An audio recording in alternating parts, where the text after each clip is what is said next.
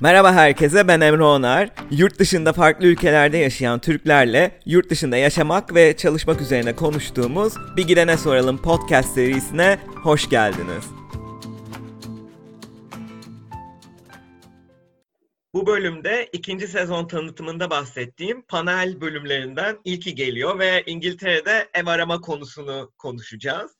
Ee, bu bayağı aslında olaylı bir konu. Bunu yurt dışında yaşayan birçok kişinin e, yakinen e, dert edindiği bir konu olduğuna eminim. Ayrıca özellikle İngiltere'de rutubet, küf, fare gibi konulardan dolayı da birçok kişi şikayet halinde. Bunu da şöyle iyice fark ettim. Yakın zamanda ev değiştirdim ve eski evimde rutubetten dolayı kıyafetlerimde, ayakkabılarımda bayağı küf çıkmış ve yani bayağı moralim de bozulmuştu. Bunu sonra Instagram'da paylaşınca tahmin edemeyeceğim kadar çok mesaj geldi. İşte kendi rutubet küf hikayelerini anlatanlar, taktik verenler, işte Almanya'da da böyle oluyor, Norveç'te de böyle oluyor diye hikayelerini paylaşanlar, beterin beteri hikayeler derken dedim neden direkt İngiltere ve Londra üzerinden iyi ev bulma konusuna değinmeyelim dedim. Çünkü çok fazla fikir soran da olmuş. O yüzden Instagram'dan gönüllü olan üç tane konum var bugün. Nida Dinçtürk, Şevval Aysan ve Seren Elmaoğlu Beşiryan. Konularımız mahalleler, rutubet, küf, fare gibi baş düşmanlar ve zorlu ev sahipleri, buradaki bürokrasi, emlakçılar, fahiş kira fiyatları derken e, lafın lafı uçacağı bir bölüm olacağını umuyorum. E, merhaba hepinize, hoş geldiniz ve katıldığınız için teşekkürler. Kendinizden e, kısaca bahsedebilir misiniz? Kaç senedir İngiltere'desiniz? Burada ne yapıyorsunuz? Daha önce Türkiye'de ne yapıyordunuz? Peki, merhaba Emre.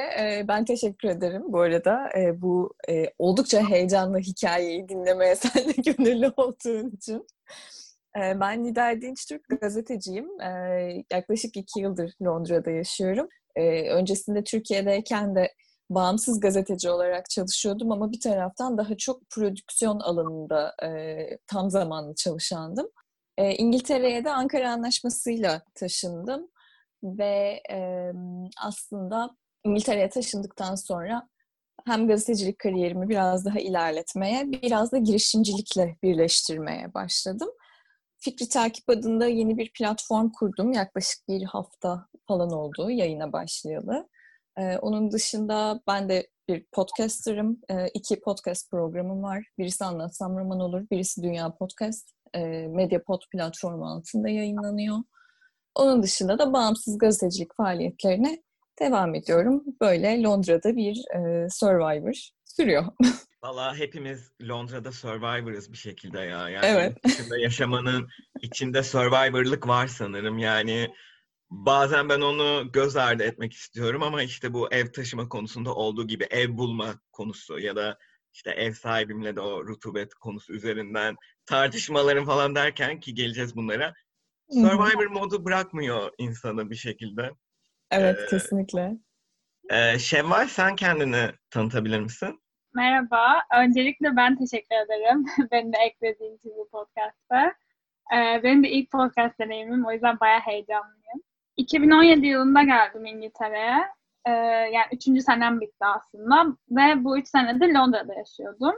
Tabii öğrenci olduğum için hani size göre anlatacak pek bir şeyim yok. E, ama UAL'de e, reklam bitirdim. Daha sonra da Reading'e taşıdım. Ve hani herkes gibi olmasa da benim de e, hani şehre yabancı olmam, ülkeye yabancı olmam, ailemin yanından çıkıp pat diye buraya gelmem gibi hani tek başıma yaşama deneyimim olmaması gibi bir sürü durumdan dolayı hani ben de bir survivor yaşadım kendi kendime desteğim çok da evet tanıdığım da vardı burada. Ee, ama hani bence kesinlikle İstanbul'la Londra karşılaştırıldığında Londra hani bir oyun düşünürsek level'ları olan kesinlikle en yüksek level. Ee, hani bunu sadece yabancılık olarak da söylemiyorum. Hani tamamen sistemini bilmediğimiz bir yerden dolayı. O yüzden ben de hani şu an yeni yere taşındığım için memnunum ama hani kesinlikle yani insanları bilgilendirmenin iyi olacağını düşünüyorum yeni gelenler için özellikle. Güzel bir benzetme yaptın ama doğru bir metafor. Yani Survivor, e, oyun derken Seren sen nasıl bir benzetme yapacaksın bakalım? Herkese merhabalar Emre'ciğim. Öncelikle bu platform için çok teşekkür ederiz. Ee, çok faydalı olduğunu düşünüyorum. Yurt dışında yaşayanlar veya İngiltere olsun. Ee, ben tüm arkadaşlarımın dediklerine katılıyorum. Benim sağ kolumda 7 yıl önce yaptırdığım bir Survive dövmesi var. Ee, konuyla çok paralel olarak aslında bir hayat e, felsefesine dönüşmüş durumda Survive. Benim için de e, yani kariyer olsun, yaşama şekli olsun, e, İngiltere'ye Londra'ya taşıma süreci olsun. Burada ne yazık ki bazı konfor alanlarımızdan çıkıp hayata tutunmaya ve ayakta durmaya çalıştığımız bir süreç aslında. Ne kadar dışarıdan çok renkli, çok keyifli gözüken karelerde olsa biz sosyal medyada yansıttığımız bir taraftan işin arka planı var. Çok kısa kendimden ben de bahsedeyim. Benim de yaklaşık 10 yıllık bir insan kaynakları HR geçmişim var. Türkiye'de Johnson Johnson ve L'Oreal gibi e, büyük global firmalarda uzun süre çalıştım. E, ardından L'Oreal'e gelme hikayem benim evlilik sebebiyle aslında. E, eşim burada yaşıyordu. O da 10. 10. yılını tamamlıyor. E, İngiliz pasaportunu alan Ankara Anlaşması'yla başlayıp pasaportu alan e, şanslı kişilerden aslında taşındıktan sonra her şey sıfırdan başladı. Biraz daha hayatı öğrenmeye başlıyorsunuz. Neler yapabileceğinizi görüyorsunuz. Ev hikayeleri bence bu podcast çok faydalı olacağını düşünüyorum. Çünkü herkesin yaşadığı bir deneyim var. E, benim de yaşadığım deneyimler var. Birazdan bahsedeceğiz. E, gelecek kişilere, belki taşınacak kişilere çok faydalı olacağını düşünüyorum e, bence en büyük sorun İngiltere'de yani ben hem burada devam ediyorum kariyerime çalışıyorum bir İngiliz firmasında HR olarak ama hani iş kariyer evet olanaklar fırsatlar hepsi bir challenge ama ev başlı başına bir challenge bence İngiltere'de. Ee, ev bulmak olsun, belki yatırım yapmak isteyenler olsun. Herkesin bir ev arayışı var her zaman burada. Onu çözdüğünüzde sanki böyle bütün tikler e, checklisti tamamlıyormuşsunuz gibi oluyor. E, bu benim hissettiğim ve arkadaşlarımla da çevremle de konuştuğumda hani ev kısmının çok büyük bir e, zorluk oldu. O yüzden e, güzel bir e, konu olacağını düşünüyorum Emre. Kesinlikle çok haklısın Seren ya. Ya ben bunun bu kadar çok önemli bir konu olduğunu inan farkında değildim biliyor musun? Yani ilk evimi böyle tesadüfen bulmuştum ve bir şekilde memnundum da. Sonra ev sahibi evi satmaya karar verdi. Ve o zamandan sonra olaylar gelişti işte. E, şimdi üçüncü evime taşınmış oldu. Ama yani ev bakarken de bir önceki evi bakarken de şimdi bu evi bakarken de yani o kadar çok şey varmış ki dikkat edilmesi gereken ve yani hala öğreniyorum. Yani şimdi bu evde de aa diyorum işte banyonda mesela fan var mı yok mu bunu sormak aklıma gelmemiş. Yokmuş. Ve yani bu bir sorun aslında mesela. Ya da Kesinlikle. bir önceki evi mesela zemin kat. Böyle havadar bir ev gibiydi. Ferah gibiydi. Hiç düşünmemiştim ki aa rutubet var mıdır? Hani bir sorun yok gibi gözüküyordu. Ama meğer e, ev sahibi zaten ben taşınmadan önce boyamış duvarları. Böyle yıllardır süre gelen bir sorunmuş falan. Yani başka arkadaşlarımdan duyduğum işte yani umarım hiçbirimizin başına gelmez fare gibi konular var. e, zamanla insan duydukça da öğreniyor, e, yaşadıkça da öğreniyor ve dediğin gibi yani böyle atman gereken tiklere yakın bir ev bulduğunda birazcık rahatlıyorsun ama sonra bakıyorsun ki aslında şu da varmış, bu da varmış. Herhalde bir beş sene sonra inşallah konuştuğumuzda daha farklı, daha biz de daha iyi biliyor olacağız ama e, bu platformun en azından kendi deneyimlerimizi paylaşıp hani insanlara da bilgi verme anlamında faydalı olacağını düşünüyorum. Biraz uzun konuştum. E, direkt şeyden başlayayım o zaman madem sorunlardan bahsettik. Sizce e, Londra'da ev ve böyle emlak konusundaki en büyük sorun nedir? Şimdi şöyle bir deneyimim var benim burada. Ben de bu arada 3 yıldır burada yaşıyorum e, arkadaşlarım gibi. Hani çok çok eski değilim. Ama gördüğüm ve gözlemlediğim bir kere inanılmaz bir competition var, yarış var. Yani market hızlı ilerliyor. Siz bir eve kiralık veya satılık ayırmadan anlatıyorum. Çünkü biz ikisine de baktık bu yıl içerisinde. Bir evi beğendiğinizde ve teklif verdiğinizde kira veya satılık hiç fark etmez. O ev belki akşamında başka bir tarafından tutulmuş oluyor. Yani offer vermek dediğimiz kelime çok önemli. Yani we made offer dediğinde bitiyor zaten. We put offer dediğinde hani orada emlakçı evi tutuyor ama aslında belki sırada bekleyen bir e, belki bir 5-6 aile daha var belki bilmediğiniz. İstanbul'dan o kadar farklı ki ben buna çok şaşırmıştım ilk geldiğimde. Yani bizim emlakçılarla olan iletişimimiz çok bellidir. Ne aradığınız bellidir. Evi gezersiniz. İşte bir hafta içinde illa akşamında koştur koştur teklif vermek zorunda kalmazsınız. Bir hafta bir düşünürsünüz. Ne bileyim aileniz de gezer, o da gezer. Böyle bütün ailece tekrar gezersiniz filan. Burada bu tip şeyler o kadar hızlı ilerliyor ki o yüzden bir hız çok önemli. Yani market çok fazla. Sonuçta dünyanın en pahalı şeylerinden biri. Hani rakam kısımlarına hiç girmiyorum.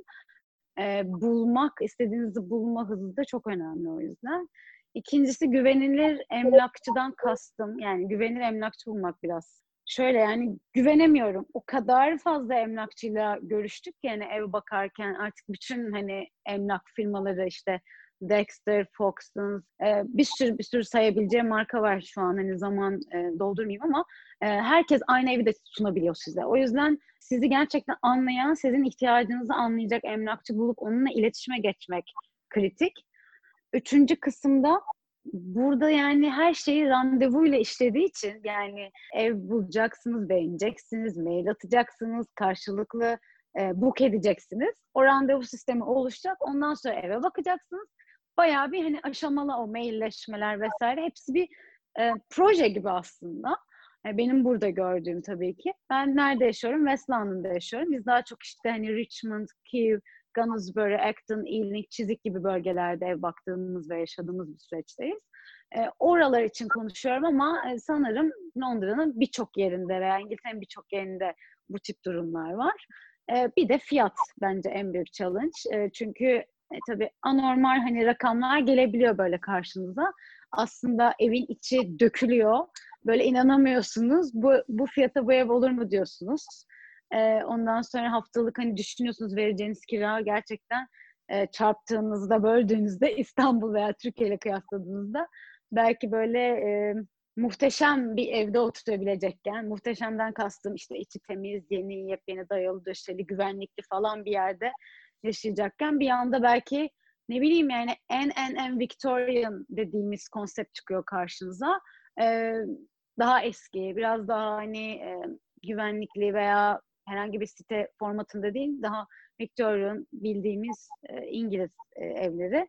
Dolayısıyla bunların birçoğu yenilenmemiş, renove edilmemiş oluyor. O zaman da e, size iş düşüyor. Ev sahibi çok önemli. Ev sahibiyle direkt iletişimdeyseniz çok şanslısınız. Onu söyleyebilirim.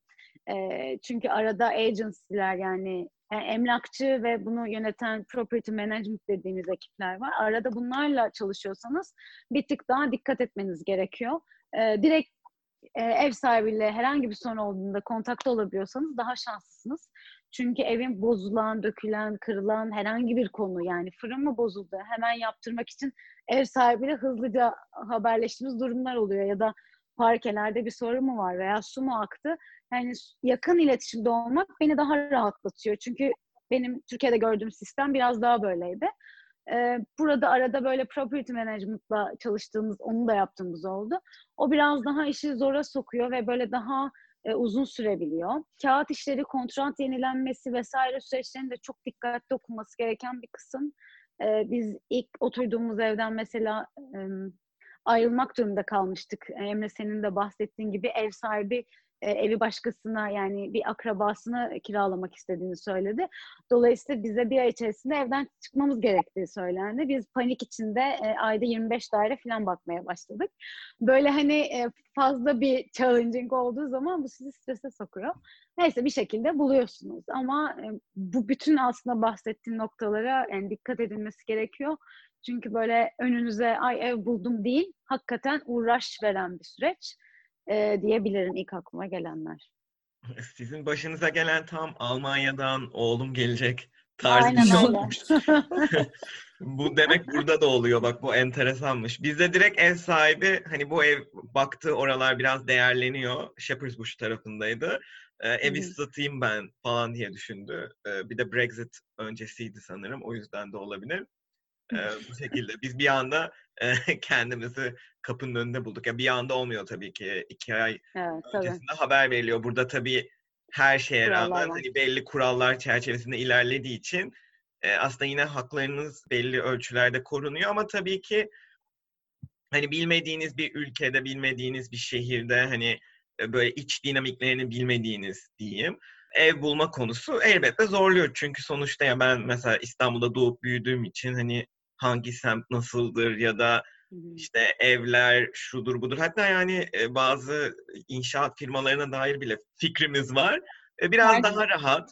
Şey konusu da çok doğruydu. Yani burada çok e, rekabetli bir e, piyasa var. Yani diyelim bir evi beğeniyorsunuz. Teklif versem mi vermesem mi diye düşünüyorsunuz. Bir saat sonra "Aa, işte ben beğendim dediğinizde işte bir sonraki gezmeye gelen çoktan tutmuş oluyor.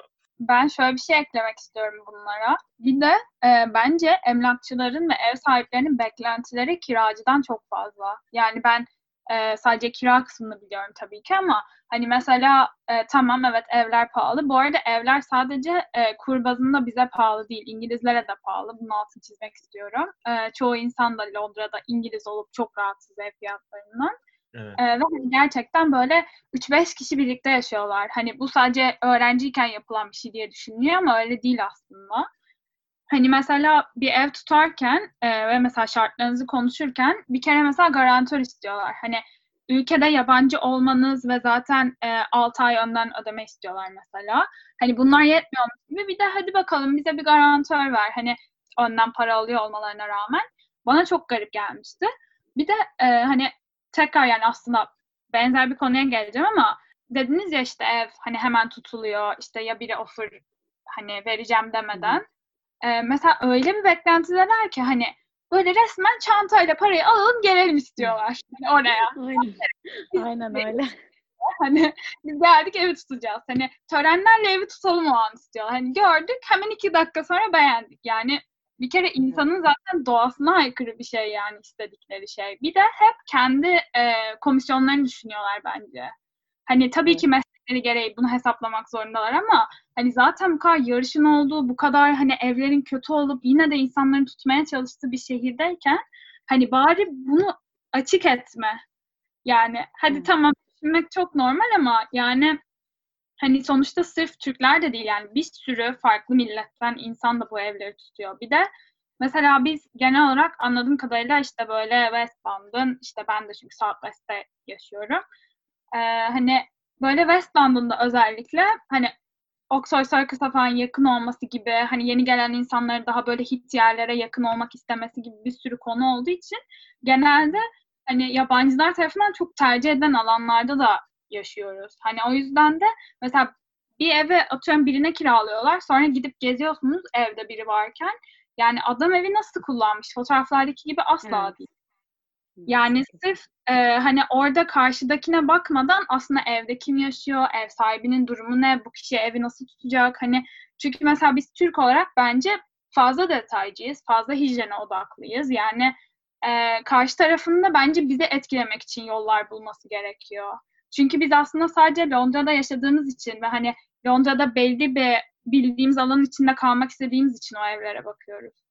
Yoksa biz aslında çok farkındayız değerinin ama bunu anlamıyorlar. Böyle bazen salak yerine koyuyorlar gibi hissediyorum. Beni o çok Evet. rahatsız ediyor.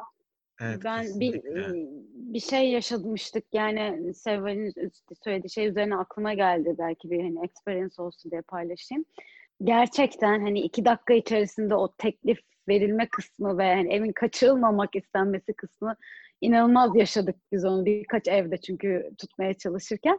Ee, artık böyle hani pes ettiğimiz bir noktada bir bu oturduğumuz şu anki oturduğumuz üç yılda oturduğumuz ev çıktı. Beğendik.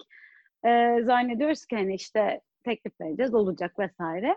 Süreç nedir? Teklif vermek. İkinci süreç işte kendi e, kağıt işlerimiz, gösterdiğimiz işte m, çalışıyorsanız çalışıyorsunuz, öğrenciyseniz kartlarınızı, pasaportlarınızı, belki banka dökümünüzü vesaire burada e, çok fazla dediği gibi garantör gerekiyorsa hani bir sürü bir prosedür var.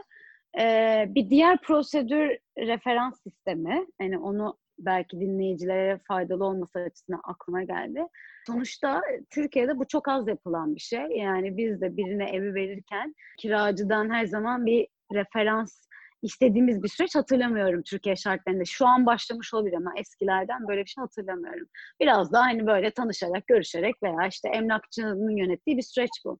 burada e, ciddi anlamda biz referans aldık. Bir önce çıktığımız e, evden işte çünkü 10 yıldır yaşanıyordu o evde. Burada herhangi bir sorun yaşanmamıştır. İşte düzenli kiraları her ay yatırmışlardır.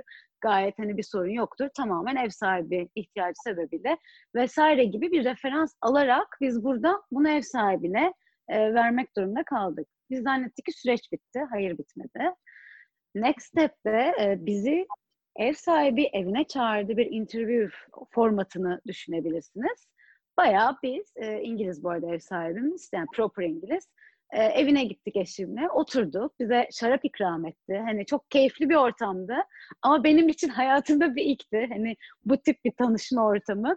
Hangi ülkeden geldim, neden geldim, ne iş yapıyorum, işte ne mezunuyum, daha önce hangi ülkeleri gördüğüme kadar hani vizyonunuzu sorgulatan ve işte sizin nasıl bir insan olduğunuzu anlamaya çalışan bayağı böyle bir karşılıklı hem tanışma ama e, yani arka planda da biraz daha gözlemleme süreci. Onlar da eşiyle beraber böyle bir tanıştık, anlaştık. Hani o prosesi geçtik ve en son bize dedi ki bizim için uygundur kontratı imzalayabiliriz. Yani bu bence birçok ülkeye nazaran çok farklı bir süreç. Ben bu kadar olduğunu düşünmüyorum her e, farklı e, international yerlerde. Bu buraya ait çünkü toprak çok kıymetli. E, bir de hani feodal bir e, toplumdan geliyorsan toprak sahibi zaten çok kıymetli. Bir de burada iki tip bir toprak süreci var. Onu daha sonra anlatırım. O ev satılık kısmına geçersek. E, o da ayrı bir bilgilendirme olsun ama kıymetli olan her şey çok daha zor. Evet, o şey dediğin çok enteresan bir konu. Satılık evlerin aslında tam satılık olmaması vesaire. Ona biraz daha ilerleyen süreçte gelelim. Şey konusuna da iki şey ekleyeceğim. Bir hem senin dediğine bir hem Şevval'in dediğine. Ee, şey çok enteresan gerçekten. Ben de bu referans süreçleri bitince sanki her şey olacakmış gibi zannetmiştim ama ev sahibi işte emlakçıya bizim hakkımızda bir sürü sorular sormuştu. Bu arada ben ev tutma diyorum ama aslında ben hep oda tuttum. Yani arkadaşlarımla ya da tanımadığım insanlarla ev paylaştım. Buradan da Şevval'in dediğine ekleme yapacağım. Yani Londra'da emlak olayı yani fiyat anlamında çok pahalı ve buradaki insanlara da bu pahalı geliyor. Sadece Türk lirasına çevirince değil. Mesela yani kariyerinizde e, atıyorum 6 senedir 7 senedir çalışıyorsunuz ve aldığınız maaşla e, yani tam neredeyse üçte ikisini hadi böyle biraz daha Londra'nın merkez dışına çıkın, yarısını gözden çıkarmadan zaten bir artı bir bir ev imkansız. Hatta oda tuttuğunuzda bile maaşınızın minimum yarısı e, gidiyor. E, ve odadan bahsediyorum sadece bir tane. İşte atıyorum üç odalı bir evde bir odada sizin oluyor. Benim birçok arkadaşım hani benimle yaşıt, benden küçük hatta benden büyük bu şekilde bir formatta yaşıyor. Yani kendi başına bir artı bir evde yaşayan çok az kişi tanıyorum. Belki yüzde beşi, yüzde onudur diyeyim tanıdığım insanları. Bu da aslında birazcık buradaki durumla bir ayna tutuyor diyebilirim. Ee, Nida ee, sen neler eklemek istersin? Ya ben soğukkanlılıkla hepinizi dinledim ama bu oda konusu benim de çok açık yaram açıkçası. Ee, ben de e, eşimle beraber taşındığımızda Londra'ya e, işte Ankara Anlaşması zaten böyle çok e, insanın yaşam hakkını kısıtlayan bir vize. İşte Şevval'in anlattığı gibi 6 aylık peşinatlar ödemen gerekiyor. Bilmem ne falan filan evler çok pahalı. Biz de dedik ki tamam biz ilk yılı ev paylaşarak geçirelim. E, çünkü zaten e, ikimiz de İstanbul'da doğup büyüdük ve İstanbul'da okuduk üniversiteyi. Hiç aslında öyle birileriyle ev paylaşma gibi bir deneyimimiz de olmadı.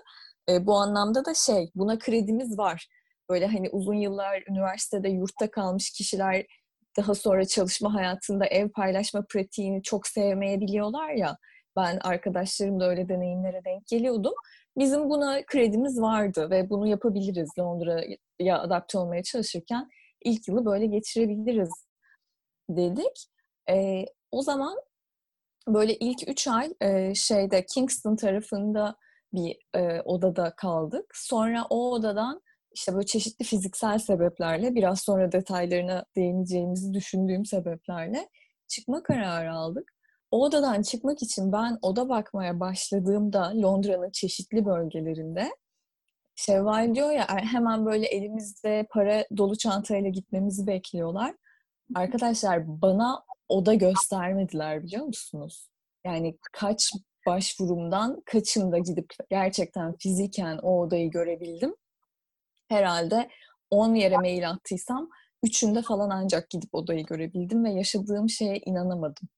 Çünkü bekledikleri şey şu, gerçekten Booking'den e, ya da Airbnb'den bir oda tutuyormuşsunuz gibi e, internet onların yükledikleri ki gerçekte de gidip baktığınızda hiç alakası olmadığıyla yüzleşeceğiniz fotoğraflardan beğenip oranın size uygun olduğuna karar verip ki 15 günlük bir aylık bir periyotta değil minimum 6 aylarla yapıyorlar oda kontratlarını bile. O odayı tutmanızı bekliyorlar ve hani işte ben şu odayla ilgileniyorum ne zaman görebilirim dediğinizde ya o mesajlara cevap gelmiyor ya telefonla konu, konuşuyorsanız bir randevu veriyorlar size ve işte o agency'ye gidiyorsunuz. Onlar sizin bilgilerinizi alıyorlar ama sonra tekrar aramıyorlar falan gibi saçma sapan şeyler yaşanabiliyor. Ben böyle yani herhalde bir 10 gün kadar falan sinir krizi geçirerek ve İngiltere'nin sistemine söylenerek neyin içine düştük ya biz diye e, lanet etmiştim açıkçası. Fakat sonra yani çok enteresan bir şekilde böyle son anda e, önüme düşen bir oda ilanıyla çok hızlıca iletişime geçip e, hemen ertesi günde gidip odayı görüp hemen ertesi günde kontratın gelmesiyle falan işimiz hallolmuştu ve e, aslında lockdown'un ortasına kadar da biz o odada kalmıştık. Ama o da çok eski bir ev olduğu için oda arkadaşlarıyla pardon ev arkadaşlarıyla çok sorun yaşamaya başladığımız için işte bir yılımız da bitmişti Londra'da. Biraz sonra buna da değiniriz. Belki bir yıl bitince en azından bir e, şey vergi geçmişiniz ortaya çıkıyor ve o 6 aylık peşinatları ödemekten kurtuluyorsunuz. Onun için ilk bir yıl sabretmek de önemli olabiliyor. Bir yılda bitince kendi evimize taşınmaya karar verdik. Bu hareket alanını yaratmış olduk kendimize ama yani bu konuda benim en unutamayacağım deneyim o gerçekten başvurup başvurup cevap alamadığım ajanslar ve bir, gidip bir türlü göremediğim odalardı yani. Evet bu arada aslında mesaj atmakla ya da işte başvurmakla evi de göremiyorsunuz dediğin gibi çok doğru. Ben de belki özellikle bir önceki ev arama sürecimde 50 eve mesaj attıysam hani hepsini görememişimdir ve de şey yani birkaç kere de şey oldu. Gittim işte beğendim atıyorum video çektim fotoğraf çektim işte dönüşte bakıyorum böyle e, arkadaşıma falan soruyorum bu iyi mi falan ben karar aşamasındayken tutulmuş oluyor ev falan. Bir iki saatten bahsediyorum bu arada yani. bir iki gün değil aradan geçen vakit. Aslında ev sorunlarına bence yavaştan geçebiliriz. Hepiniz hafif hafif girdiniz. İlk odanda, ilk odanda bahsettiğin sorunlar ne tarz şeylerdi mesela? Ya şöyleydi Emre, biz e, ilk odayı şeyde tuttuk. Kingston'la Wimbledon'ın arasında New Malden diye e, bir semt var. Aslında burası bir Kore mahallesi ve bize de bir İngiliz arkadaşımız önerdi burayı. Oldukça stratejik bir bölge. Çünkü işte Londra'da yol masrafı da çok yüksek bildiğiniz gibi. E, Kingston harika bir lokasyon ama Zone 6'da Londra'nın merkezine seyahat etmek istediğinizde aylık 270 pound gibi bir gider söz konusu oluyor. Bu oldukça yüksek. Bir de biz iki kişiyiz çarptığın zaman zaten bir oda kirası ortaya çıkıyor yani. Ee, öyle olunca böyle biraz daha yakın zonlarda ama işte Kingston'a da çok uzak olmayacak bir yer neresi olur? New Malden'da bir e, tesis bulduk. Orası eski bir pansiyon, otel gibi bir yapıymış aslında ve e, böyle en suite diye tanımladığımız kendi banyosu, tuvaleti içinde olan odalar kiralanıyor. Sadece e, mutfağı, işte ortak büyük salonları ve bahçeyi paylaşıyorsunuz. Bu ilk etapta bize daha konforlu geldi. Fakat e, o kadar ciddi bir rutubet sorunu var ki e, odanın boyutu hiç fena olmamasına rağmen yani İngiltere koşullarında bir evin salonu kadar geniş bir oda olmasına rağmen tek bir penceresi var. Yazı geçirdik biz üstelik orada. Gerçekten nefes alamıyorduk nemden ya Emre. Hani bir de böyle İstanbul'dan geliyorsun, nemli e, iklime oldukça alışık olduğunu zannediyorsun ama e, o öyle değil. O başka türlü bir şey yani. İngiltere'de karşılaştığım rutubet ve nem çok tuhaf bir durum.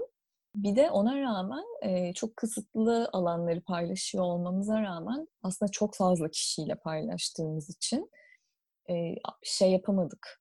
Başa çıkmakta zorluk çektik. E, sosyalleşemedik. Yani ev paylaştığınız zaman daha sosyal, daha evde olmaya dair bir duygu var ama böyle otelde yaşıyorsun gibi hissediyordun. Yani düşündüğümüz gibi konforlu olmadı. Bu arada mahalleler konusunda değinelim aslında. Bu bana aslında çok sorulan sorulardan biri. Yani çok sorulan dedim de 5-6 kere mesaj gelmiştir bu konuda. Ee, işte ne taraf daha iyi Londra'ya falan. Bu ara bir de çok fazla taşınan var ya bir şekilde sanırım podcast'ime denk gelip insanlar böyle sorular yöneltiyor. Bunu size soracağım. Ben kendi önerilerimi de paylaşayım. Yani çok fazla aslında Londra bir nevi İstanbul gibi. Yani her bölgesi bambaşka bir dünyası var ve bazı yerler daha evli çocuklu aileler için uygun, bazı yerler daha böyle e, genç yaşta yeni çalışanlar ya da işte yeni mezunlar ya da öğrenciler için daha uygun. Mesela işte hepinizin de bir yandan konuşurken bahsettiğiniz mahalleler var. Mesela e, Seren'in bahsettiği Çizik, böyle evli ve çocuklu aileler için benim bildiğim kadarıyla daha böyle uygun, sakin bir yer Batı Londra'da. Evet. Yine Ealing'e çok taşınan duydum son zamanlarda. Güneyde Richmond ve Wimbledon tarafında da çok fazla Türk aile var diye biliyorum. Hatta Richmond'da Türk anneler diye böyle kalabalık bir WhatsApp grubu varmış. Babalar da var. Evet. Richmond'lı babalar diye. Öyle mi? Richmond'lı babalar evet. da mı var? Richmond, Richmond'da inanılmaz çok Türk var o yüzden. Orada bir böyle community var aslında. Evet. Bayağı da e, düzgün hani kalbur üstü mahalleler diyebiliyorum İng- Londra'da. Evet. İngilizlerin de tercih ettiği mahalleler. O Onun aslında dışında... şöyle Emre affedersin lafını kestim. Biraz daha Güney Londra e, Ankara Anlaşması'yla son yıllarda buraya çocuklarının e, daha iyi eğitim alması ümidiyle gelen işte böyle daha yazılımcı işte aslında Türkiye'de beyaz yakalı olarak çalışan ama herhangi bir sponsorluk ilişkisi olmaksızın gelen aileler hep konumlandı. İşte Richmond, Chiswick, e, Wimbledon o yüzden bir Türk komünitesine dönüştü. Şey gibi oldu. Bu konuda e, Mehmet Ali Alabora ile röportaj yaparken o bana şey demişti. E, Richmond yeni Cihangir oldu gibi düşünüyorum ben demişti gerçekten biraz öyle Çok doğru. oldu Londra'da. evet. Çok acayip gerçekten ya. Dediğin doğru ve şey de böyle bir, bir mahalle daha var Maida Vale. Orada benim böyle genç evli arkadaşlarım var birkaç tane ve onlar bahsediyor. Ee, işte mahallede tanışmaya başlamışlar artık Türk arkadaşlarıyla. Şey mesela oradaki Starbucks'ta diyor en az 4-5 masa hafta sonları hep Türk çiftler oluyor diyor. Ve evet. e, Türkiye'den yeni gelip taşınan da birçok arkadaşları olmuş. Maida Vale'ı da öyle yakında e, çok sık duydum. Evet. Benim orada şey benim oturduğum son oturduğum mahalle orasıydı. Haklı. Evi taşımak için ben sokakta e, böyle bir yığın koli buldum. Aa harika ben de satın alacaktım bunları kullanayım diye eve bir getirdim. Üstünde Yasin ve Almula yazıyordu kolilerin.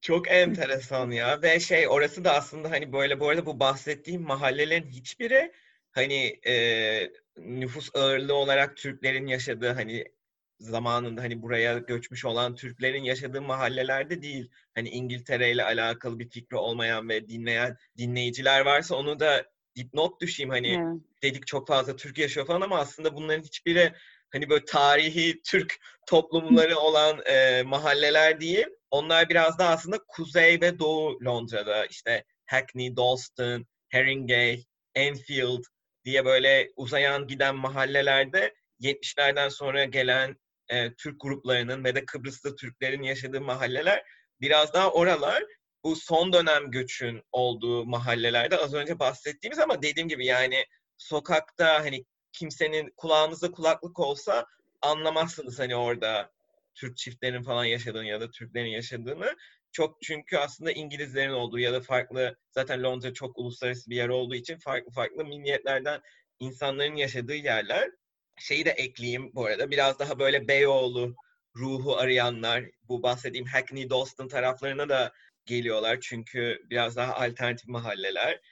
Ben Angel'ın da böyle bir nevi Beşiktaş gibi olduğunu düşünüyorum bu arada. Oralarda da çok fazla genç e, insan var yaşayan Angel tarafında. Bankacılar böyle Canary Wharf falan tercih ediyor. Bir de Chelsea evet de Londra'nın böyle Bağdat Caddesi veya Nişantaşı'sı diyebileceğim evet, Chelsea'de de hatırı sayılır bir Türk nüfus var. Bu arada bazen hiç beklemediğiniz yerlerden de çıkıyor. Ben mesela Hammersmith'te çok uzun süre yaşadım. Ve yani çok popüler bir yer değil bence ama ya ben Aa, sokakta her gün Türkçe duyuyordum. Çok acayip. Ama çok fazla var. Hammersmith'i önerebilirim bu arada taşınmayı hmm. düşünenler için. Böyle hem geniş sokakları, yeşil, hani nüfusu da aslında bayağı İngiliz yaşayan da vardı. Üst komşum, yan komşum, karşı komşum hep İngilizdi. Ve de birçok e, metro hattının geçmesiyle merkezi bir nokta aslında. E, bu şekilde ben kendi şeylerimi paylaştım. E, sizin yorumlarınız ve sizin e, mahalle önerileriniz var mı? Ya da bunlara ekleme yapmak ister misiniz? Ben belki e, şeyden alabilirim sizin e, hem Nida'nın hem Emre'nin söylediği aslında yani mahalle ve bölge kısmında ben ilk geldiğimde en çok şaşırdığım, yani bana çok garip gelen biz şimdi burada yaşadığımız için bu jargona alışığız ama işte Güney Londra, işte Kuzey Londra, West London. Ya diyorum ki insanlar ne, ne, niye bölgeyi yani Londra'yı niye ayırmışlar birbirleriyle ve niye birbirine Londra'dan bir ülke gibi ediyorlar? bahsediyorlar. Evet evet çok enteresan. Çünkü hani ilk böyle bir e, Türk komünitesinin içine girmiştim. Biraz daha e, kuzey Türkleri diyeyim. Bir takım gönüllü e, çalıştığım böyle e, bazı topluluklar olmuştu. Orada çok yeniyken böyle işte sen nerelisin, hangi, Londra'nın neresinden?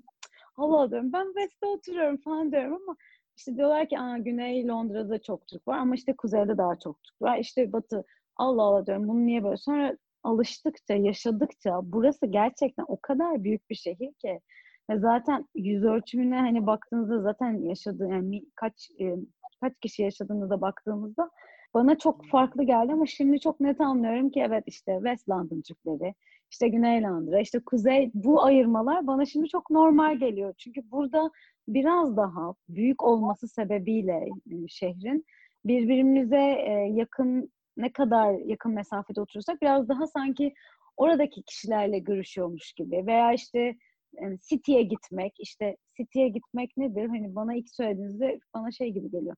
Merkeze inmek falan. Yok aslında belli bir bölgeye City deniyor. İşte daha çok e, ofislerin bulunduğu bu. Paul ve bölgesinin biraz daha e, şehrin içerisinde oldu ama Chelsea'ye gitmek, City'ye gitmek değil aslında. Hani benim için bazı şeyler çok farklı gelmişti ilk geldiğimde. Çünkü biz İstanbul'da olanlar için söylüyorum işte İstanbul'un güneyinde veya kuzeyinden mi geliyorsun? Hani sen İstanbul'un neresindensin şarkısı gibi. Bayağı böyle hani bölgeleri böldüğüm hiçbir şey hatırlamıyorum kimseye sohbet ederken. O yüzden bana çok komik gel- gelmişti ama şimdi ben de aynı şey yapıyorum. Hani ne, ne, neredesin işte, nereye, hangi bölgede yaşıyorsun? Çünkü bu önemli. Çünkü biraz hayatınız buna göre şekilleniyor. Bunun da sebebi şöyle de bir şey var. Daha çocuklu aileler, yani çocuğu olanlar için belki outstanding school dediğimiz biraz daha hani iyi sonuçlar veren okullar e, ve yaşadığınız bölgeye göre değişiyor. Dolayısıyla insanlar kendilerine göre, kendi hayat tarzlarına ve ihtiyaçlarına göre belli bölgelere konumlanıp çocuğu olanları da oradaki en iyi okullara yazdırmak istiyorlar doğal olarak. Ee, az önce Ninda'nın söylediği gibi bu beyaz yaka diyebileceğimiz Türkiye'den gelen e, aileler, daha çok çocukları için gelenler ve göç edenler e, en iyi bölgelere yerleşip yani yaşadıkları yerin en iyi yerine yerleşip okulları çocuklarını yazdırmaya çalışıyorlar. Bu da önemli bir kriter. Çünkü ben e, örnek veriyorum ben şu an E-Link'de oturuyorum. E-Link'de oturup işte çocuğumu North'ta bir okula yazdıramam. Yani o yüzden bu çok önemli bir e, faktör. E, bunu da belki hani buraya ailece gelmek isteyen kişiler varsa belki onun için altını çizmek istedim. E, yaşadığınız yere yakın okullar ve onların bir sistemi var. E, o yüzden de yaşadığın yer önemli oluyor yani okul faktörüyle. E, bölgelendirme de e, birazcık onlara da bağlı oluyor. Ee, Emre sen ne sormuştun? Ben unuttum. Bayağı aldım gidiyorum.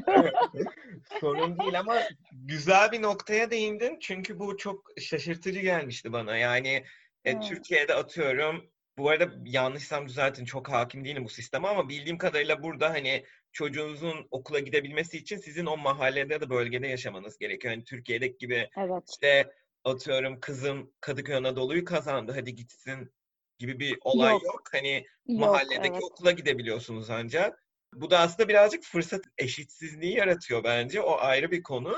O yüzden de birazcık hani e, işte Richmond, Wimbledon ya da Çizin tercih edilmesi hani çocuklu aileler tarafından büyük olasılıkla oradaki hani eğitim şartlarının da biraz daha iyi olmasıyla alakalı. Şey konusu da çok haklısın Seren. Avrupa yakası, Anadolu yakası vardır İstanbul'da. Aynen Yani o kadar.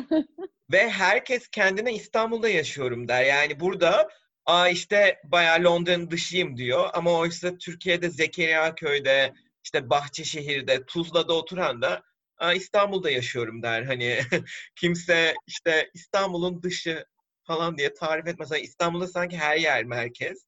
Ee, Burada da her yerin kendi içine merkezi var falan gibi öyle bir farklılık da var bence. Benim de aklıma şey geldi siz bu e, Türkiye'yi de hani konuşunca. Yani mesela insanlar Londra'da ev seçerken e, Türkiye'deki mesafeleri düşünerek seçiyor. Yani mesela öğrencilere bir hani tavsiye olarak ben söyleyeyim daha çok. E, mesela diyelim okulunuz evinize bir saat uzaklıkta. Şimdi bir saat Londra standartlarında çok fazla.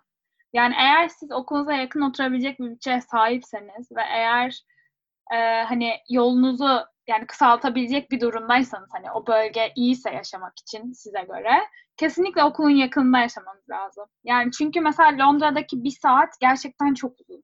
Ama İstanbul'da biz o kadar alışmışız ki hani trafikte kalmaya, işte karşıya geçmeye, e, metrobüste zaman harcamaya. Yani bunların hepsini böyle düşününce hani insan ister istemez bir geldiğinde evinden okulunu hesapladığında ya da evinden işini hesapladığında aa bir saat tamam ben buna giderim diyor. Tabii şu an e, bu virüs sonrasında bu olaylar nasıl olur? Hani tekrar böyle bir rush hour krizi yaşanır mı? Hani bilemiyorum ama e, mesela benim en büyük yaşadığım şey ben ilk sene mesela daha böyle 45 dakika bir saat uzaklıkta daha böyle okuluma bir tık hani uzak bir bölgede yaşıyordum ve sabahları rush hour beni deli ediyordu.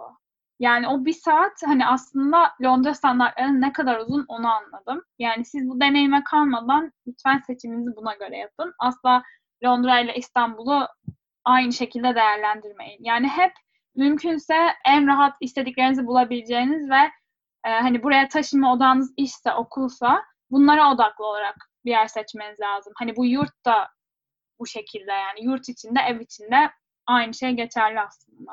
Evet çok doğru bu arada bu. Yani sabahları metroda falan bayağı tıkış pıkış oluyor. Ben direkt buraya taşınırken İstanbul'daki trafikten ve işte toplu taşımadaki mücadeleden falan yıldığım için işte ofis neresiyse evde orası olsun deyip nokta atışı ev seçmiştim ama zaman zaman böyle sabah saatlerinde metroya binmem gerekti. Tam böyle o rush hour denen vakitte ve Türkiye'deki metrobüsten hiçbir farkı yok. Hatta bazen daha beter. Daha kötü. Ve e, bir de şöyle bir şey ekleyeyim bu bölgeler kısmına. Ben ilk başta Battersea'de yaşamaya başladım. O sanırım e, söylenmedi. Hani Battersea'den çok memnundum. E, bana göre yaş ortalaması büyük bir yer bence. Hani o yüzden belki Clapham'ı düşünebilirsiniz eğer öğrenciyseniz ya da daha yeni çalışmaya başladıysanız, tek yaşıyorsanız falan. Clapham, Battersea, işte Wandsworth. Hani buralar merkeze biraz uzak ama hani çok da uzak değil ve e, bölge olarak daha sakin geliyor bana. Yani tabii ki hani barların, restoranların çok olduğu bir yer, hani Soho'ya falan yakın olmak harika ama bir tık böyle daha huzurlu bir yer arıyorsanız, daha böyle evlerin yeni olduğu bir yerde yaşamak istiyorsanız, hani daha böyle İstanbul'daki hayatınız gibi bir şey arıyorsanız bu bölgelerden ben genel olarak çok memnun kalmıştım. Hani benim genel olarak yaşadığım sorunlar ev içindeydi. Ama bölge konusunda değildi. Çünkü Battersea de tam Chelsea'nin karşı kıyısı. E, hatta işte Battersea Park var kocaman. İşte onun yakınında böyle 3-4 tane bayağı Ali Ağalı şeyleri var. Bayağı Ağalı projeleri bilmem ne. e, hani o yüzden yani bunlar da bir opsiyon olabilir. Ama hani diyorsanız ki ben arkadaşlarımla yaşamak istiyorum. Ucuz bir evde yaşamak istiyorum. Barlara, restoranlara yakın olmak istiyorum. İşte böyle büyük öğrenci partilerine gitmek istiyorum falan. O zaman Waterloo ve Brixton'ı da önerebilirim. Waterloo zaten hali hazırda hani ulaşım ağı çok güçlü olduğu için birkaç insanın tercih ettiği bir bölge. Zaten işte King's College, UAL gibi okullar da etrafında olduğu için, hani iş merkezleri olduğu için. Ama Brixton daha böyle e, hani geceleri gitmeyeyim, hani başıma bir şey gelmesin bölgesiyken e, Ben Stockwell'de yaşıyordum son senemde. İşte Brixton'a bir duraktı. Hani çok değişimini gördüm ve fark ettim. Yani orayı böyle hakikaten hani iyi restoranlar açarak böyle biraz Hackney gibi işte sonradan düzelttiler falan ve şu an böyle insanların tercih ettiği yeni binaların yapıldığı bir yer olmaya başladı. E, bu da aslında ayrı bir konu Londra ile alakalı olarak. E, Londra'nın birinci bölgesinin dışında kalan böyle ikinci bölgedeki bütün halka e, sanki kentsel dönüşümden geçiyor. Dediğim gibi Brixton, Elephant and Castle aynı şekilde. Onun dışında King's Cross'un oralarda başka Shepherd's Bush orada işte yok Soho House açıldı. işte Westfield açılmış, o dönüştürmüş falan. Böyle bir şey de var, dinamiği de var Londra'nın. Böyle Mile End falan yine doğuda. Yani ilk o ilk e, birinci onu çevreleyen bütün halka kentsel dönüşümden geçiyor sanki. Ve evet. dediğin gibi Brixton'da da çok fazla aslında benim mesela e, Türk olmayan yabancı diyeceğim yabancı arkadaşlarımdan çok fazla genç yaşayan var Brixton'da. Oralarda hareketli yerler. Elephant and Castle'da yine Waterloo tarafları aslında oralarda da benim bayağı bir tanıdığım Türk var aslında South Bank tarafına yakın. Oralarda merkeze hem yakın hem böyle bir sürü restoran açıldığı yerler. Birazcık belki de şeyle de alakalı aslında mahalle seçimi. Hem işiniz, okulunuz, hem tanıdığınız insanlara yakın olma e, durumu da e, göz önünde bulundurulabilir. Tabii çocuklu aileler için eğitim a, ayrı bir konu. Ama Seren'in dediği gibi şey de var. Bir süre sonra aslında mesela Türkiye'de biz çok alışığız. Ben hep şey diye düşünürdüm. Hani ilkokul, lise, üniversite hep e, uzun mesafe kat ettiğim için ama ne olacak bir saat giderim yani falan gibi düşünüyordum ama bir süre sonra o olmuyor burada nedense. Evet yani bir de mesela şöyle bir şey var hani mesafenin dışında böyle konuyu alıp başka bir yere getirmem gerekirse yine bölgelerle ilgili. Mesela benim çevremde çok fazla Mayfair'da, Soho'da yaşayan insan da vardı.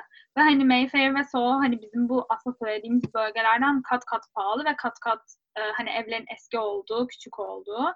Ama hani bölge olarak çok e, güzel olan, bir derece lüks olan, hani İstanbul'da bile bazen dengini bulamayacağımız bir yer yani ve e, mesela daha geçen hafta buradaki okulumdan bir İranlı kız bana dedi ki iki tane arkadaşı Mayfair'de eve çıkmış. Hani haftalıklar zaten uçuyor orada yani. Hani 800'lerde geziyor mesela. Ee, ve yani bu iki kişi Mayfair'de yaşayıp böyle bir kira verip hala e, evde bir sürü sorun yaşıyor. Mesela fare çıkıyor atıyorum başka bir şey oluyor. Yani olur da İngiltere hani şu an geliyorsanız ve çevrenizde bir insan Mayfair'de yaşayıp iyi bir evde yaşadıysa, bunu deneyimlediyse ya da Soho'da ya da etrafında. E, yani bu sizi en merkezde en iyi evi bulacaksınız. Hani böyle bir bütçeniz var, en iyi yere gidersiniz şeklinde bir noktaya koymuyor. Hani bunu da kesinlikle unutmamanız lazım yani. Hani onlar belki bir şansa güzel bir yaşamış olabilirler ama maalesef o bölge güzel diye, pahalı diye oradaki evleri iyi yapmıyor. Hani siz kendinizden çok fazla verip İstanbul standartlarının bile üstünde bir şekilde yaşayabilirsiniz ama sırf o bölgede yaşadığınız için bu size bir statü katar. Hani evinizi iyi yapmaz. Evet çok haklısın. Böyle bence zaten en merkez o kadar da cazip değilmiş. Ben bunu gördüm Londra için. Çünkü daha eski binalar ve fare evet. sorunu da sanırım en merkezde daha belirgin. Hani aslında Victoria'na falan da çok tatlı gözükse de işte bu yeniden ev baktığım süreçte birkaç arkadaşım şey dedi. Aa işte böyle mavi kapılı e, Victorian bir evin olur umarım falan e, şeklinde güzel temennilerde bulundular ama ben içimden umarım Victorian olmaz falan Çünkü e, yani eski ev ne kadar tamirat da görse bir şekilde ya yani çok iyi örnekleri var elbette ama bir şekilde sorunlar çıkabiliyor. Bilmiyorum ben yeni ev taraftarıyım artık. Bunu söylüyorum. Şey... Ama Emre bir şey söyleyeceğim. Ben şimdi mesela benim şu an oturduğum ev 2016 yılında yapılmış bir apartman. Tesadüfen bu arada. Hani hiç böyle bir tutkuyla ev aramıyorduk. Karşımıza çıktı ve fiyatı oldukça uygundu. Salgının ortasında ev kiralamış olmamız da bir etken olabilir. Ama mesela kaloriferi yakmaya başladığımızdan beri böyle bir, bir buçuk aydır falan bizim e, yatak odası penceresini ve banyo penceresinin duvarla birleştiği köşelerinde bildiğin rutubet kaplıyor orayı. Ve biz elimizde sürekli antibakteriyel mendillerle rutin olarak orayı silmeye başladık. Hmm. Bu artık yani şey tamamen doğayla mücadeleye giriyor diye düşünüyorum. Yani yeni ev bile olsa kurtarmıyor diyorsun ha. Evet hayallerinizi yıktım biraz özür dilerim ama durum bu maalesef. Yani bence bölgesine de bağlı, kaçıncı katta oturduğunuza da bağlı. Hani o kadar çok aslında etken var ki hani biz yani bu podcast'in üzerine o kadar çok konuşabiliriz ki aslında.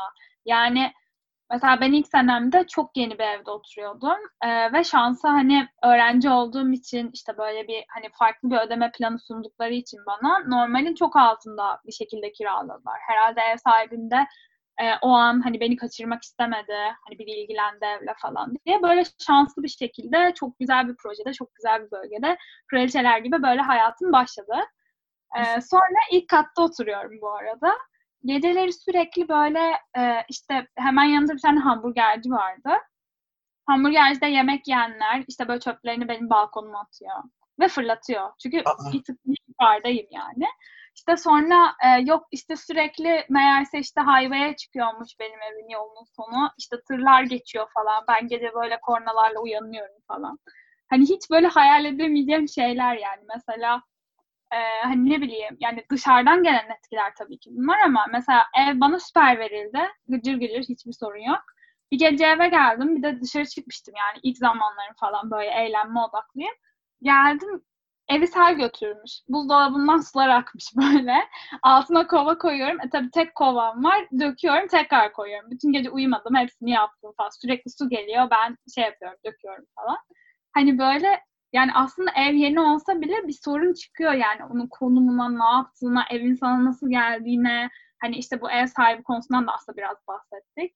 Hani bu ev sahibi ilgisine, hani bir evi kontrol etti mi mesela emlakçı yeni birisi girmeden. Hani o kadar çok böyle şey konu var ki hani aslında değinebileceğimiz.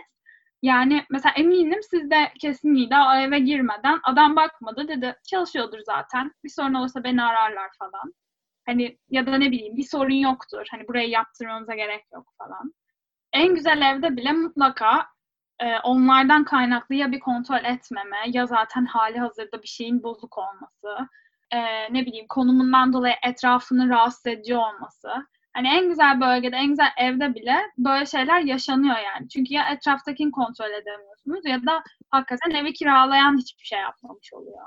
Bir önceki evimde rutubet çıktı dedim ya. Mesela ben bunu böyle tesadüfen fark ettim. Baktım duvarda böyle bir lekeler oluşuyor. Ev sahibine söyledim. Anlamadım da ne olduğunu tam olarak. Hani küf falan mı? Böyle çok şey de değildi bu arada. Yoğun da değildi. Condensation dedi ev sahibim. Aa bu bir şey değil işte. Condensation da nem gibi bir şey. Yani rutubet değil diyor ama çok umursamadım. İşte geldi bir şeyler yaptı kendince. Ondan sonra meğer aslında benim onu doğrudan fotoğraflarını falan çekip council'a yani buradaki belediyeye falan göndermem daha doğruymuş. Bunu bilmiyordum mesela. Ee, Hmm. işte nem alma makinesi aldım. Ee, İstanbul'dan böyle ufak plastik bir şeyler yani Bauhaus'tan böyle makine makine gibi değil de ufak aparatlar diyeyim. Ben olay halloldu zannettim. İşte önümüzdeki sene de değişirim diye düşündüm. Sonra pandemi olunca hani ilk lockdown'da çok sert geçtiği için hani hiç aman ben hani rahatım bozmayayım diye düşündüm. Bir süre daha kaldım ki çok büyük hataymış. Zaten sağlık için zararlı. Bir de şey oldu. Ben birkaç ay burada değildim ve e, ev taşırken bir baktım. Benim kıyafetler bayağı küf tutmuş yani leke. Bütün ayakkabılar falan. Sonra ev sahibi e, yumurtladı. Meğer daha önce de böyle sorunlar olmuş. Ben tam taşımadan önce boyanmış falan. Hani biraz da şey onlarda hani nasılsa bir kiracı bulunur, çok talep var diye Londra'da böyle şeyleri umursamazlıktan geliyorlar. Bu süreçten ben iki ders çıkardım. Bir, bütün bu konuşmaları e, ne yazık ki telefonum silindiği için hiçbirinin kaydını tutamadım. Her şeyi yazılı olarak konuşmak gerekiyor. Ev sahibi ya da emlakçı kiminle muhatapsanız. Çünkü bunları Evet. daha sonra koz olarak kullanabilirsiniz. Hani depozitonuzu tamamen alma, hatta belki biraz kiranızı refund olarak geri ödemeleri konusunda bile.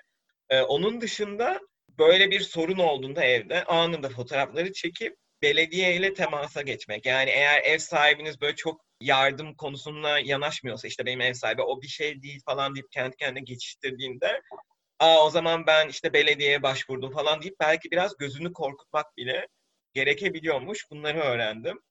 Bazı ev sahipleri bir de yurt dışında yaşadığı için ulaşmak çok zor oluyor.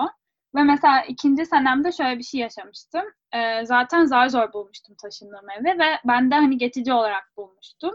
Çünkü ev hani ilk çıktığım eve göre çok daha küçüktü ve daha pahalıydı. Hani bu olay zaten başlı başına beni rahatsız etmişti. Ama aynı zamanda da emlakçının yaklaşımı çok kötüydü. Hani evi satabiliriz, işte 6 ay içerisinde seni hemen çıkarabiliriz, işte buna hazırlıklı ol falan. Yani ben kendi kiraladığım evde bile böyle diken üstündeydim sürekli. Hani 3 ay sonra ne diyecek acaba falan diyordum. Ee, neyse sonra tabii bir şekilde o evden çıktım. Yani ev satıldı ama e, ev sahibi Katarlı birisiydi. İşte Katarlı üç kardeş hatta. Ya yurt dışında oluyorlar ya da şirket oluyorlar. O zaman konu zaten daha da garipleşiyor. Çünkü emlakçıya bırakıyorlar her şeyi. Emlakçı da zaten bayılıyor hani o an böyle sizden olabildiğini aslında. Hani adam resmen mailleriyle, laflarıyla tartaklıyor yani. O yüzden böyle, böyle bir zaten gerilim oluyor emlakçı işi yönetince. Neyse ben de bu evden dedim ki ben çıkacağım eğer benim kiramı düşürmezseniz. Çünkü ben yani hap kadar evde yaşıyorum ve bu kadar para veriyorum vermek istemiyorum. Sonra dediler ki hayır öyle şey olmaz falan. Sonra dedim tamam ben gidiyorum görüşürüz ev arıyorum. Ee, sonra bir anda yakama yapıştılar. Dediler ki ne olur gitme işte biz başkasını bulamayız bilmem ne. Ben dedim yok yani biz anlaştık görüşürüz. Sonra tabii ben bu olayın hiç benim peşimden geleceğini düşünmedim. Bir de e, hani o süreçte ev değiştirirken de bu arada İngiltere'de iki ay ya da bir ay gibi hani sözleşmeye bakmanız gerekiyor gibi bir şeyle konuşmuştuk yanlış hatırlamıyorsam. Hani sözleşmede de çıkmak istiyorsanız da sürü şartlar var ve bunları da incelemeniz gerekiyor. Bunlara göre hareket etmeniz gerekiyor. Ben de o sırada ev değişiklik yaşandığı için yani başka birisine satıldığı için ve bir şirketten üç Katarlı kardeşe satılınca ben kime ulaşacağımı şaşırdım tabii evden çıkıyorum diye. Ve 9 gün bir gecikmeyle e, hatta emlakçının adını da veriyorum. Foxton's'a ulaştım. Çok kötü bir emlakçı bu arada. E, sizden alabildiği kadar e, en yüksek parayı alıyor, rahatsız ediyor, sürekli arıyor. E, hani kesinlikle gitmeyin yani.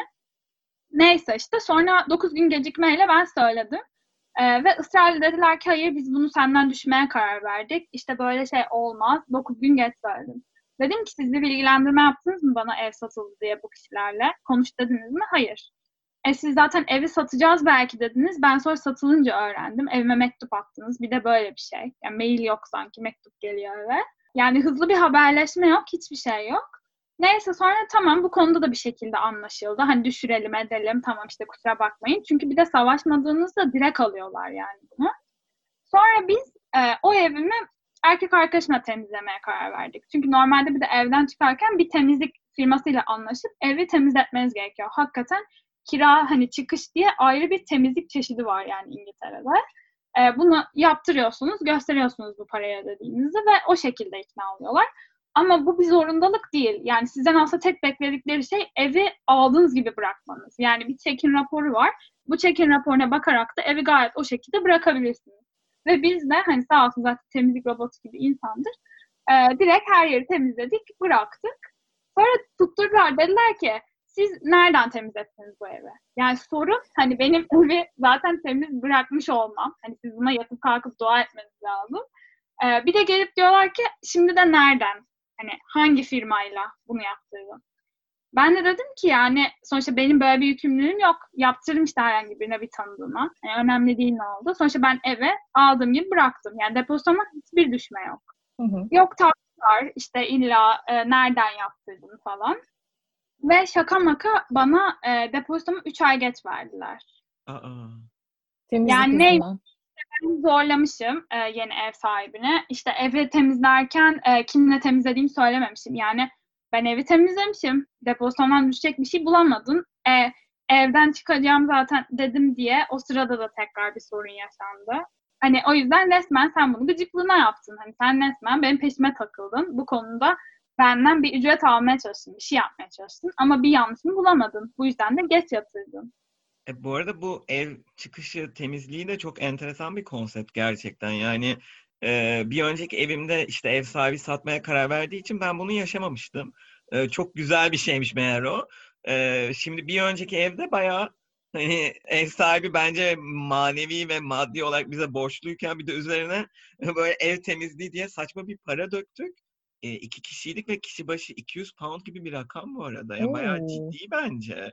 Ee, Çok- evet emlakçının önerdiği şeyle çalışmamız gerekti temizleme firmasıyla.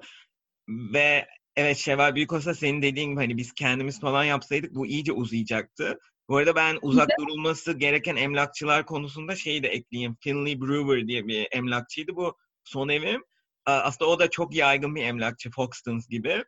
Ama hiç yani o kadar pasiflerdi ki hiçbir konuda e, bizi destek olmuyorlardı. Hatta bizden falan öğreniyorlardı bazı şeyleri. O yüzden hiç memnun değildim açıkçası. Ya bir de bu temizlik meselesinde hani fiyatlar da çok değişiyor. Yani emlakçı mesela diyor ki 300 pound verirsen ben evini temizletirim. işte check-out raporuna tam yazarım falan. E, ama mesela sizin bağımsız bir şekilde bulduğunuz firma belki yarı fiyatına yapıyor. Hani bir de böyle bir şey var. Yani emlakçı anlayamadığım bir şekilde neyi nasıl hesaplayarak bu parayı yapıyor bilmiyorum ama yani tamam saat başına burada hani düşünüyorsunuz, tartıyorsunuz işte kaç saat olur falan. Zaten hani tutup bir iki saat bu kadar hiç görmedim. Genelde bütün gün ediyorlar. Çünkü her yerin temizlenmesi gerekiyor çekine uyması için. Ama hala çok dehşet farklar oluyor. Ve yani independent bir firma olsa bile hani daha ucuz diye sonuçta emlakçılar da farkında bunun. İlla böyle bir sorgulama hani sanki böyle bir suç işlediniz de hani avukatlarla peşinizden gelecek evi istedikleri gibi bıraktığınız için. Hani biraz da komik geliyor yani bana bu arada anlatırken bunları. Yani çünkü e, evi temizlemişsin istediğin gibi. Hani sorun nedir burada?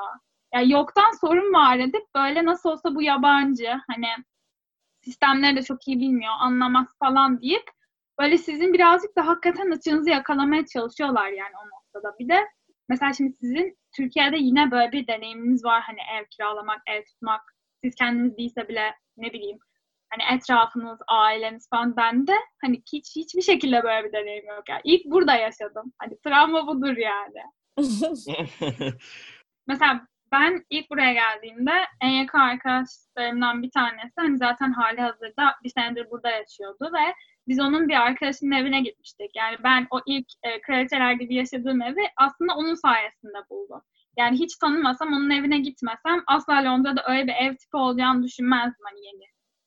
Ve e, yani ondan sonra bakacağım şeyleri de anladım. Hani biraz şans oldu aslında bana. Hani nasıl bir evde yaşadığını görmek. Çünkü diğer arkadaşım bir tık daha böyle eski bir evde yaşıyordu Oxford Circus'ta. Ama hani onun evini ve diğerinin evini görünce dedim ki tamam hani Londra'da böyle İstanbul vari evlerde var. Ama tabii burada hani o evleri bulmak da bir sorun. İşte mesela bu konuda da bu arada çok fazla soru geliyor. Hani onun üstüne de konuşabiliriz. Bana da arkadaşlarım soruyor bu öğrenci vizesi yeni çıktığı için. İşte nereden ev bulunur? Hani bu emlakçılarla nasıl konuşulur? o, istersen açabilirsin onu. İstanbul tipi ev dediğin böyle yeni yapılmış, hani Evet. güvenlikli olan ve işte ne bileyim son 4-5 senede yapılmış tarz evleri mi kastediyorsun?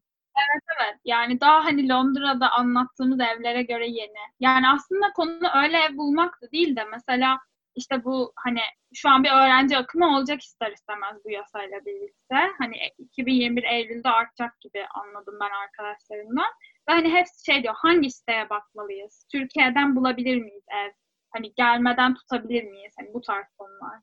Aslında gelmeden tutabilirler. Biraz pandemi dönemiyle de işte videoyla gezdirme gibi şeyler çıktı. Ben gerçi buna karşıyım hani illa gezeceğim diye tutturdum mesela bu evi ararken. Kendim gezmeden hani video üzerinden çünkü o videoyu en başında falan çekiyorlar büyük olasılıkla ev çok düzgünken falan ya da bilmiyorum yani her zaman kendin gezip kontrol etmek daha iyi. Bu arada öyle yeni evler de bayağı var. Bu bahsettiğim aslında o ilk e, zone'un biraz ha- dışındaki o kentsel dönüşümden geçen halkada öyle evler de bulabilmek mümkün. Ben de tesadüfen öyle bir arkadaşımın evine gittiğimde fark etmiştim Şevval aslında senin gibi. Ee, bilmiyorum öyle evlere ben mesela daha sıcak bakmaya başladım. Yine onlarda da tabii sorunlar çıkabilir Nida'nın dediği gibi. Ama bir tık daha şey geliyor bana, emin gibi geliyor. Bu arada şöyle bir şey var. Mesela İstanbul'da özellikle yeni yapılmış evlerde kira fiyatları oldukça yüksekken bu anlamda Londra'nın adaletli olduğunu düşünüyorum ben. Ee, yani e, lokasyona para veriyoruz. Bu daha gerçekçi bir kıstas olarak konuşabiliriz belki. Ee, ama Mesela benim dediğim gibi bu arada benim oturduğum evin ikinci kiracısı benmişim. Taşındığım gün anahtarı teslim ederken e, expert söylemişti bana da bunu. Ve e, ben işte Zone 4'te oturuyorum. Benim kiram 1200 pound. İki odalı bir evden bahsediyorum. Londra standartlarında oldukça iyimser bir tablo çizdiğimi düşünüyorum mesela bu anlamda. Hiç bu kadar yeni e, bir eve bu kadar e, optimum bir kira ödeyeceğimi düşünmezdim ben mesela Londra'da, İstanbul deneyimimde. İstanbul'da o standartlarda bir evde oturmaya kalkışsaydım e, eğer son oturduğum ev evin iki katı kadar falan kira ödeyeceğimi düşünürdüm açıkçası. Bu da böyle hani bir küçük not olarak düşünebilir belki. Evet aslında birinci ve ikinci bölgenin dışına doğru gidince aslında daha yüksek standartlarda, daha optimum kiralarda bahsettiğin gibi evlerde bulunabilir. Aslında onları da biraz daha iyi araştırmak gerekiyor. Evet. Bir de insanların biraz şeyleri var doğal olarak. Hani ön yargıları var. Yani e, zon dışına çıkarsak işte bir iki dışına çıkarsak ulaşamayız. işte gidemeyiz.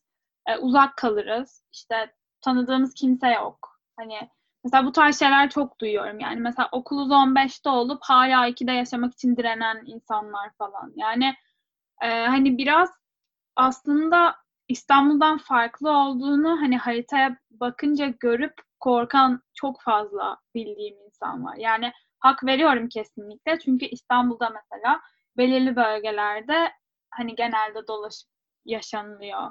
Ee, hani her bölgede bir tanıdık oluyor mesela. Ama hani Londra'da yani bir merkez varken kalkıp 15-6'ya gitmek Tuzla'da oturmak gibi geliyor insana haklı olarak.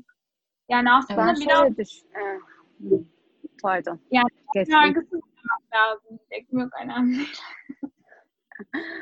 Katılıyorum çünkü aslında konu şuraya geliyor. Az önce bahsettiğimiz bu bölgelerden hani bu bölgeleşmiş Londra'nın işte kuzeyi, güneyi vesaire diye ayırdığımız zaman şimdi İstanbul'da öyle bir ayırma olmadığı için İstanbul veya Türkiye neresinde olursa olsun hangi şehirden gelen e, biri olursa olsun böyle bir ön yargısı oluyor. Birinci veya ikinci zonda oturmak gibi bir kaygısı oluyor. Merkeze yakın olmak. Aslında şunu tartışalım. Merkez neresi ki? Londra'yı şimdi Oxford'u merkez alırsan tabii ki her yere uzaksın.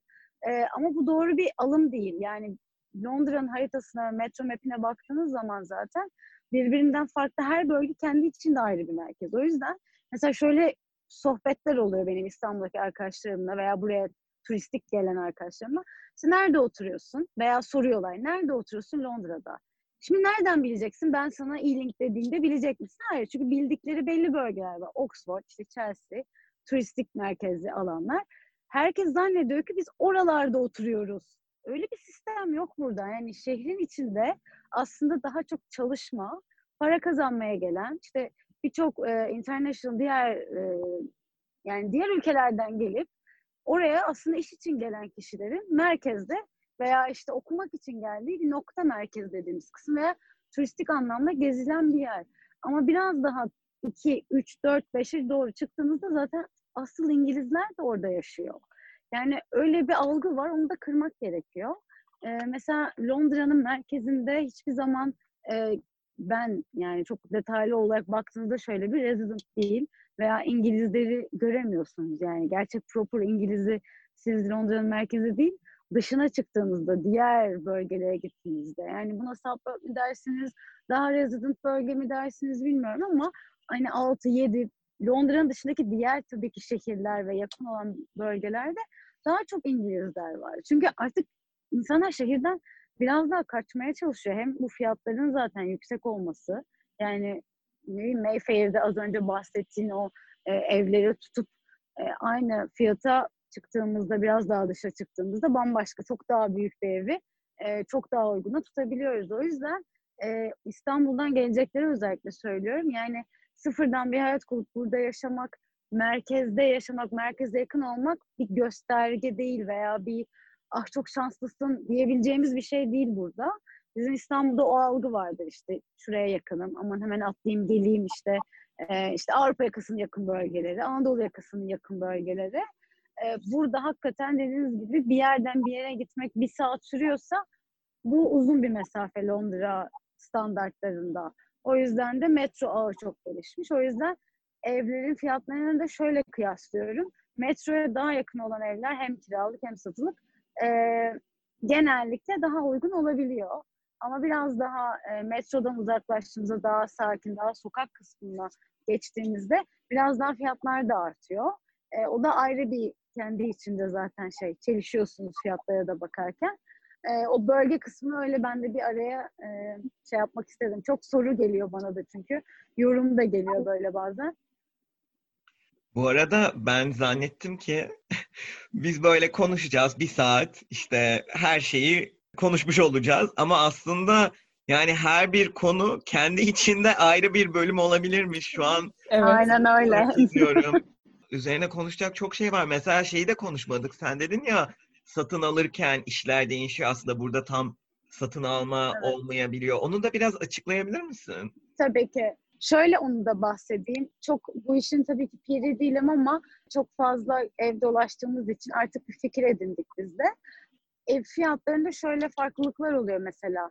Evi bir topraktan almak var. Bir de evi almak var. Yani flat yani daire alıyorsunuz diyelim veya işte fark etmez üç katlı e, da olabilir. Bu tek katlı normal giriş katında iki oda bir salon da bakıyorsunuz. Veya bir artı bir veya stüdyo. Evin iki tip farklı fiyatı oluyor. Biri hani toprak toprağı da satın almak, biri tamamen evi satın almak. Yani arada bir da bayağı bir miktar fark ediyor. Bu yazmıyorlar ilana. E, siz soruyorsunuz bu freehold mu, e, sharehold mu diye. Ona göre de zaten aradaki fiyat farkını hesaplıyorsunuz daha sonra. E bir de mortgage'a başvuracağınız zaman bunları da göz önüne almanız gerekiyor. Bu bence zaten yani bu kısım tamamen bence ayrı bir konu hatta. Yani hakikaten ayrı bir konu. Çünkü daha içinde çok detay var bu mortgage e, süreçleri vesaire bunlar ayrı da e, daha detaylandırabilir ama hani öyle bir yatırım yapmak isteyen kişiler de mutlaka ona dikkat etsinler. Çünkü ilanlarda genelde işte sadece evin fiyatı yazıyor. Ama burada sorulması gereken kısım ev toprakla beraber mi satılıyor yoksa evin fiyatı mı bu? Eğer toprakla beraber satılıyorsa tamam. Topraktan bağımsız satılıyorsa toprağın fiyatının geçirmeye çalışıyorum. Yenilenmesine ne kadar, kaç yılı kalmış e, bitmesine. Şimdi diyelim 60 yılı kalmış. Siz o evi alıyorsunuz. 60 yıl sonra sizin karşısında bir toprak fiyat parası çıkacak. O yüzden de her şeyi hesaplarken buna göre e, hesaplamak gerekiyor.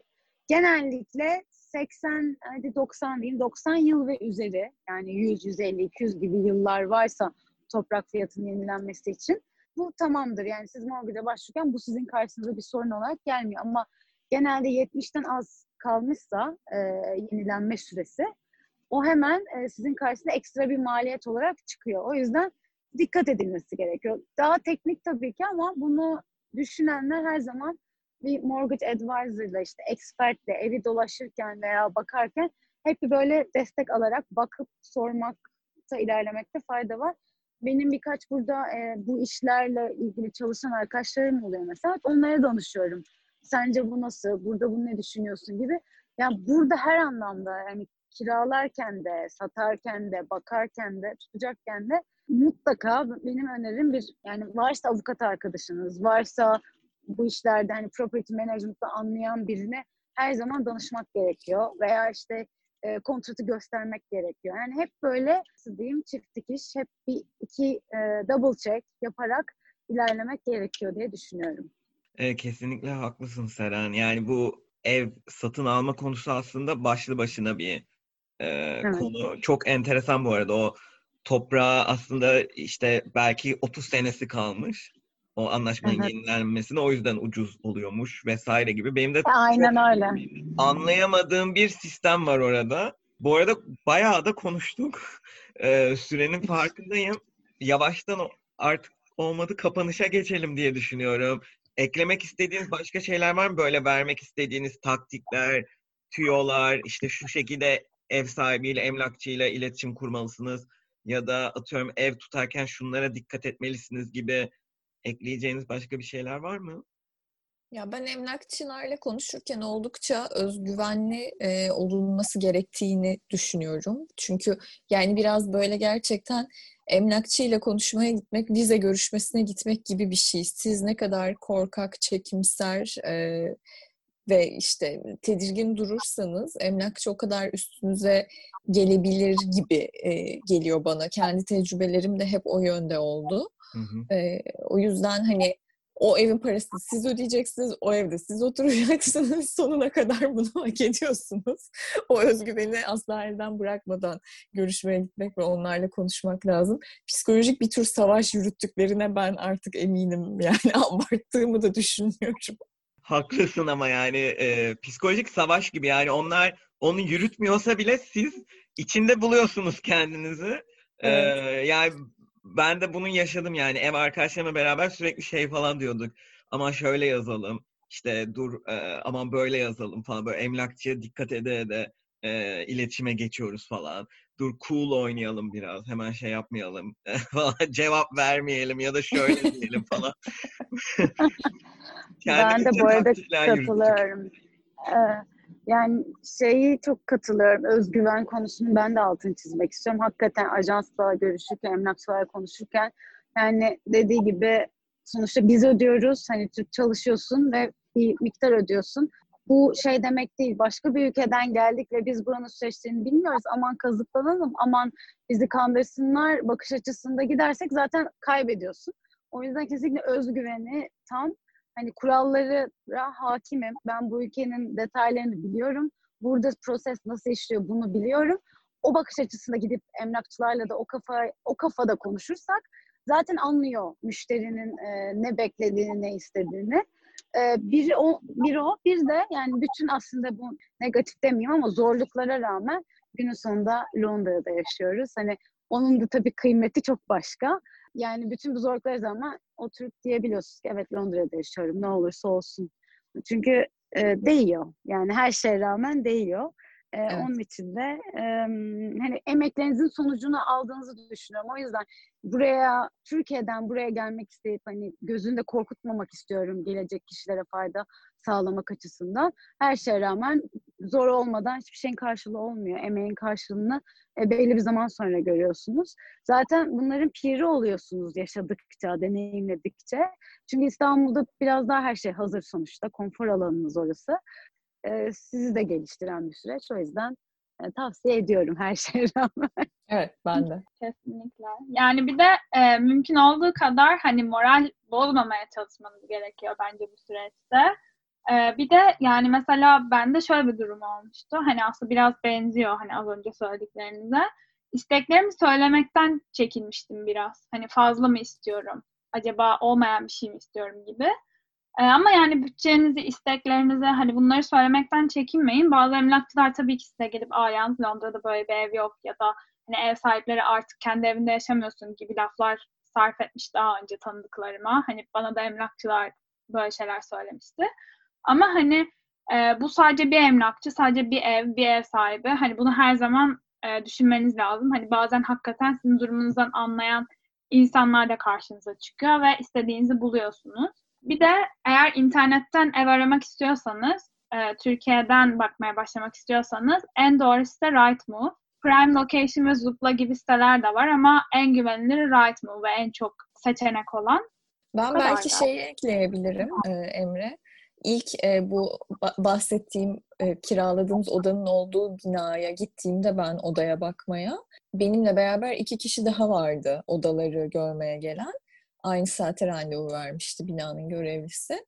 Kadın böyle bizi bir odaya gö- götürdü ilk önce. inanılmaz kötü durumdaydı ve gruptan birisinin morali bozuldu. Ben daha devam etmek istemiyorum deyip ayrıldı gitti diğer odaları görmek istemedi. Aa. Sonra biz iki kişi ikinci odaya gittik. O da böyle oldukça dağınık ve kötü durumda görünüyordu. O zaman ikinci adamın da morali bozuldu ve o da devam etmek istemedi gitti. Sonra kadın bana son bir oda gösterdi ve o son gösterdiği oda çiçek gibiydi ve ben o odayı tuttum. o yüzden böyle durumlarda sonuna kadar inat etmelerini de not etmek önemli olabilir diye düşünüyorum. Ben direndim ve kazandım diye anlatıyorum bu hikayeyi çünkü. E, pes etmemek önemli gerçekten. Zaten bu arada bu minik bir örnek olmuş bunu ama sabır gerekiyor yani yurt dışında hayatı oturturken hatta yani yurt dışında yaşarken genel olarak birazcık sabır evet. lazım. Öteki türlü her şey anında olmuyor yani. Bu alışma konusunda da geçerli.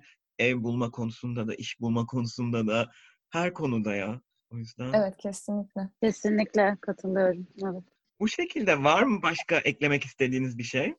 Vallahi bizi bıraksan biz e, az önce Se- Seren'in de söylediği gibi dört bölüm falan kaydedebiliriz. O yüzden bence daha bize bırakma bu işi. Aynen.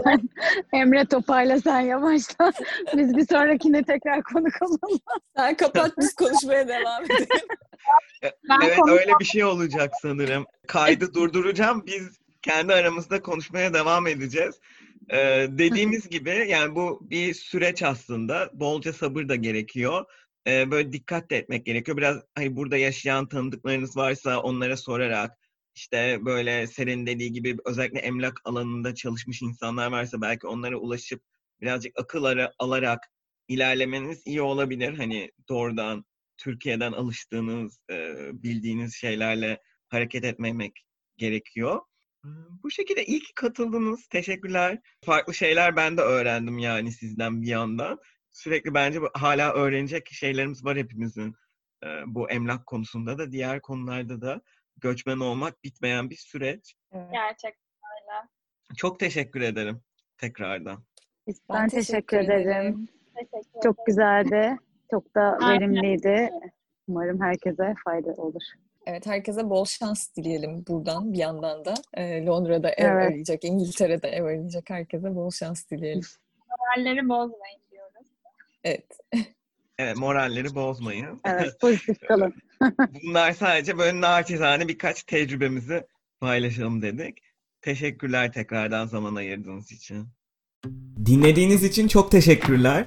Farklı alanlardaki insanların hikayelerini dinlemek için takipte kalmaya devam edin. Ayrıca Instagram ve Twitter'da Bir Gidene Soralım hesaplarını da takip edebilirsiniz. Hoşçakalın.